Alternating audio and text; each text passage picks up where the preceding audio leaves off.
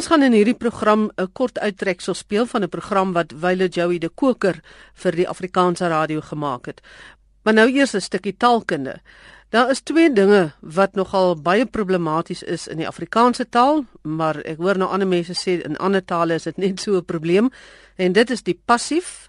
Dis net daardie ding van die nuus is gelees of die nuus was gelees en dan die plasing van die werkwoord in 'n sin.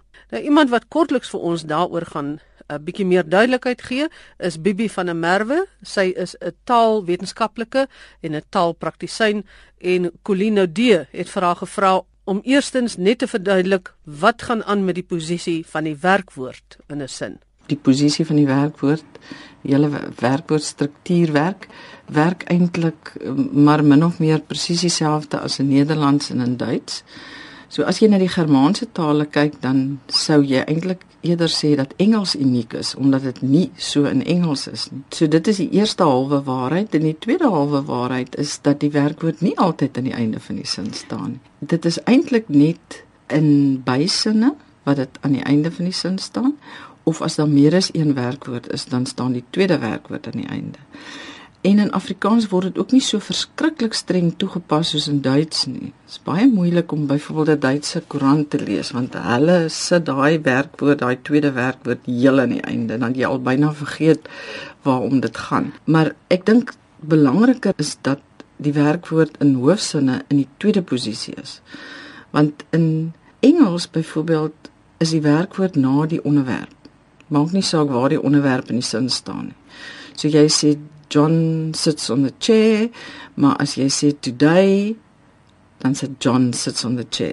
Terwyl in Afrikaans sal jy sê die man sit op sy vrou se kop, maar as jy sê deesdae, dan sê jy nie die man sit op sy vrou se kop nie, maar deesdae sit die man op sy kop. Dit was dan so ietsie oor die plasing van 'n werkwoord in die sin en nou gaan ons na die passief, die is en die was. As jy na die passief kyk in Afrikaans dan dit eintlik relatief vereenvoudig. Uh soos al ons tydsforme, byvoorbeeld ons sê in Afrikaans die stoel is wit geverf. Dan beteken die stoel is nou in 'n staat van wit geverf wees. Die oomblik as ons sê hy was wit geverf, dan impliseer ons dat hy nie meer wit geverf is nie, dat hy nou 'n ander kleur het. Of as jy sê iemand was getroud, dan aanvaar jy hy is nie meer getroud nie. Maar in Engels werk dit anders. Um hulle sal nog in Engels die is gebruik, maar die oomblik the the chair is painted white, maar die oomblik as hulle sê wanneer dit gebeur het of wie die daad gepleeg het wat dit nou in die toestand van wit gekry het, dan verander hulle dit na was. Met ander woorde um he was married in 1920 beteken iets anders as hy was in 1920 getroud. Want as iemand in 1920 getroud was, dan is die implikasie dat hy reeds getroud was of dat hy nie meer getroud is nie. Ek dink dit gaan maar baie lank vat om die verskil tussen is en was vir mense uitgespel te kry.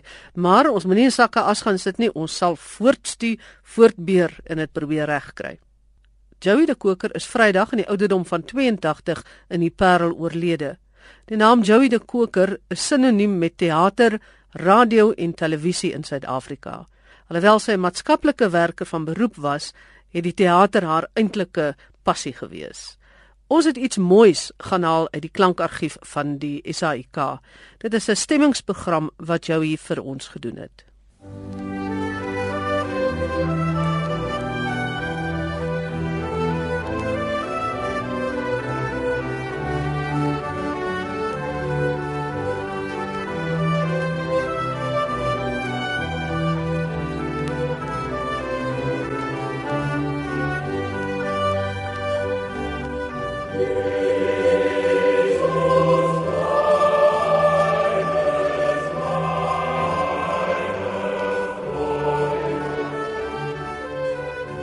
Vandag is Hemelvaartdag en ons gaan saam terugdink aan die lewe van Christus.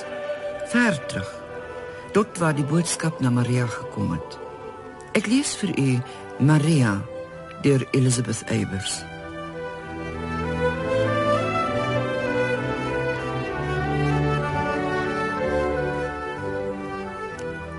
Engel het dit self gebring Die vreugde boodskap. En jy het 'n lofsang tot God se eer gesing. Maria, nooi uit Nasaret. Maar toe Josef van jou wou skei en bure agterdog jou pla, het jy kom dink eenmaal sou hy die hele wêreld skande dra. Toe jy soms met 'n glimlag langs jou liggaam stryk, die stilte instaar. Wis jy met hoeveel liefde en angs sou hy sy helle vaart aanvaar. Die nag daar in die stal, geen een om in jou nood by jou te staan. Het jy geweet dat hy alleen Getsemane sou binnegaan? toe vorste uit die ooste kom om nederig hulde te betoon. Wis jy hoe die soldate hom as koning van die volk sou kroon? En toe hy in jou arms lê, sy mondjie teen jou volle bors. Het jy geweet dat hy sou sê toe dit te laat was? Ek het dors. Toe dit verby was en jy met sy vriend Johannes huis toe gaan. Maria, vrou van smarte. Het jy toe die boodskap goed verstaan?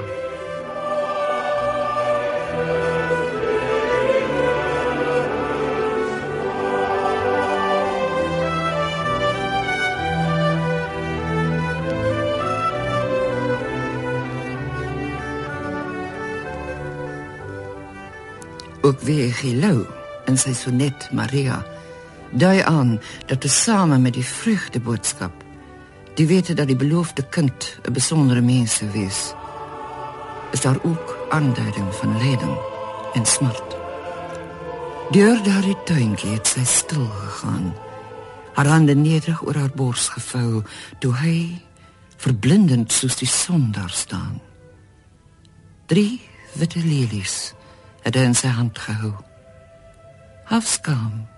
Hafskaam, verleerd sy opgekyk en is opeens met groote vrees bevang. Sy oë het van haar nie afgewyk. Sy vleuels het oor heel die tuin gehang. Gesien is jy onder die vroue. Sy woorde, of was dit winde? Verhuis nog in haar oor toe hy teen die son in goue vlug verdwyn sy het daar neergebuig en half versmoorde klein snitties in haar hart gehoor. Van verlossing reeds die vreugde en die pyn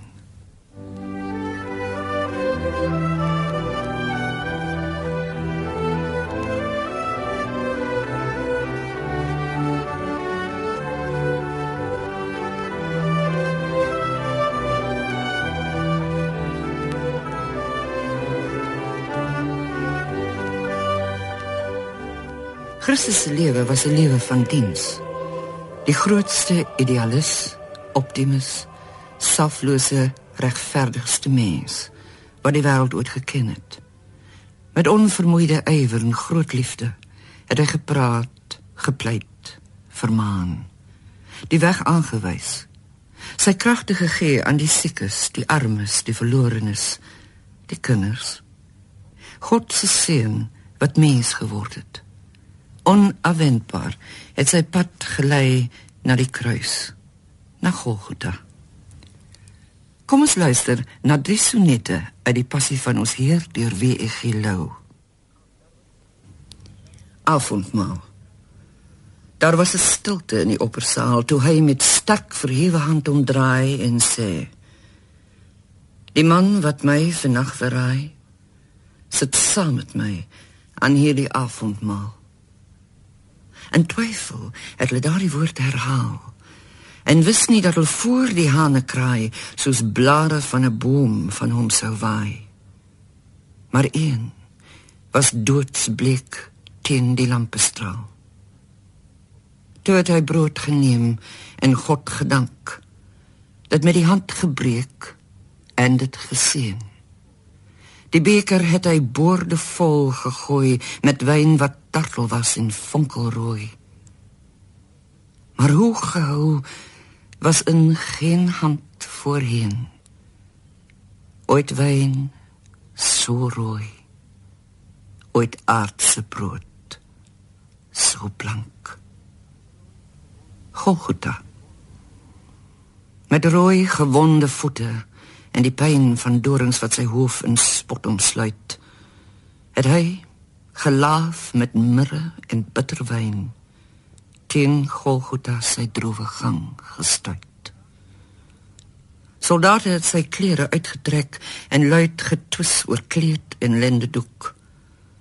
Sy naakte liggaam het loop gevlek oor stam en balk en dit met smaad vervloek. Die wrede spykers word deur vlees en been met felle slae ingejaag. Sy hande verstrak in laaste goddelike seën het hy wyd uitgebrei oor alle lande. Die vroue roep in duisternis en treur. Die aarde beef. Die tempelvoorhang skeur. Opstanding. Drie dae was daar duisternis. Alleen en diep gelatenheid, soos in die sand 'n suiwer saad wat wag op son en reën, het al sy sterflikheid stil weggebrand. Die swaar en trae slakke van die vlees, sy onrus, vrees, verwarringe en waan, dat hy een met die Vader en die Gees verheerlik in die lig weer op kan staan. Die wagte kon in daardie gloed nie kyk.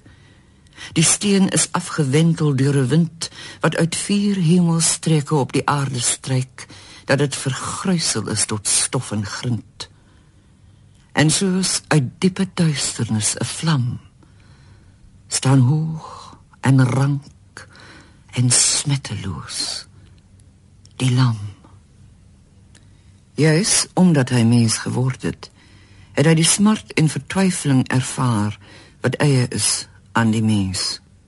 Ons dink aan sy woorde: Vader, as dit u wil is, laat die beker by my verbygaan. Ons dink aan sy uitroep aan die kruis: Eloi, Eloi, lema sabachthani. My God, my God, waarom het u my verlaat? U wat ouers is, kan u dink die smart van die seun en die vader op daardie oomblik. Maar soos geprofeseer is, het hy opgestaan uit die dode. Het hy weer aan sy disippels verskyn en hulle verder onderrig. En die boodskap: liefde, vergifnis, empatie, nederigheid. Miskien juis omdat die boodskap so eenvoudig is, is dit vir die mens soms so moeilik om dit te begryp. Ons wil dinge ingewikkelder maak as wat dit is. Om jou vyand lief te hê is nie 'n baie maklike opdrag nie, maar tog 'n opdrag. Van Christus se laaste woorde aan sy disippels was ons aangeteken in Handelinge 1 vers 7 en 8. Dit is nie vir julle om die tyd en omstandigheid te weet wat die Vader in sy eie mag bepaal het nie. Maar julle sal krag ontvang wanneer die Heilige Gees oor julle kom. En julle sal my getuies wees in Jerusalem, sowel as in die hele Judea en in Samaria en tot in die uithoeke van die wêreld.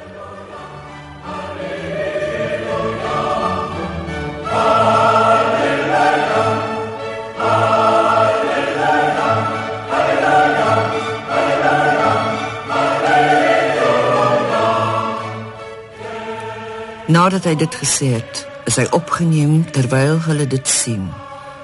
En 'n wolk het hom weggeneem sodat hulle hom nie langer kon sien nie. Terwyl hy weggaan en hulle nog stip na die hemel kyk, het daar skielik twee mans in wit klere by hulle gestaan. Die sê toe vir hulle: "Galileërs, waarom staan julle so na die hemel en kyk? Hierdie Jesus wat van julle af na die hemel toe opgeneem is, sal net so terugkom soos julle hom na die hemel toe sien opgaan het. Na hemelvaart wag ons op die uitstorting van die Heilige Gees, die Pinksterfees. En soos dit in die woord staan, Handelinge 2 vanaf vers 17, so sal dit in die laaste dae wees, sê God. Ek sal my gees uitstort op alle mense. Julle seuns en julle dogters sal as profete optree. Julle jong mense sal gesigte sien. Julle ou mense sal drome droom. Ja, op my dienaars en my dienaresse sal ek in daardie dae my gees uitstort.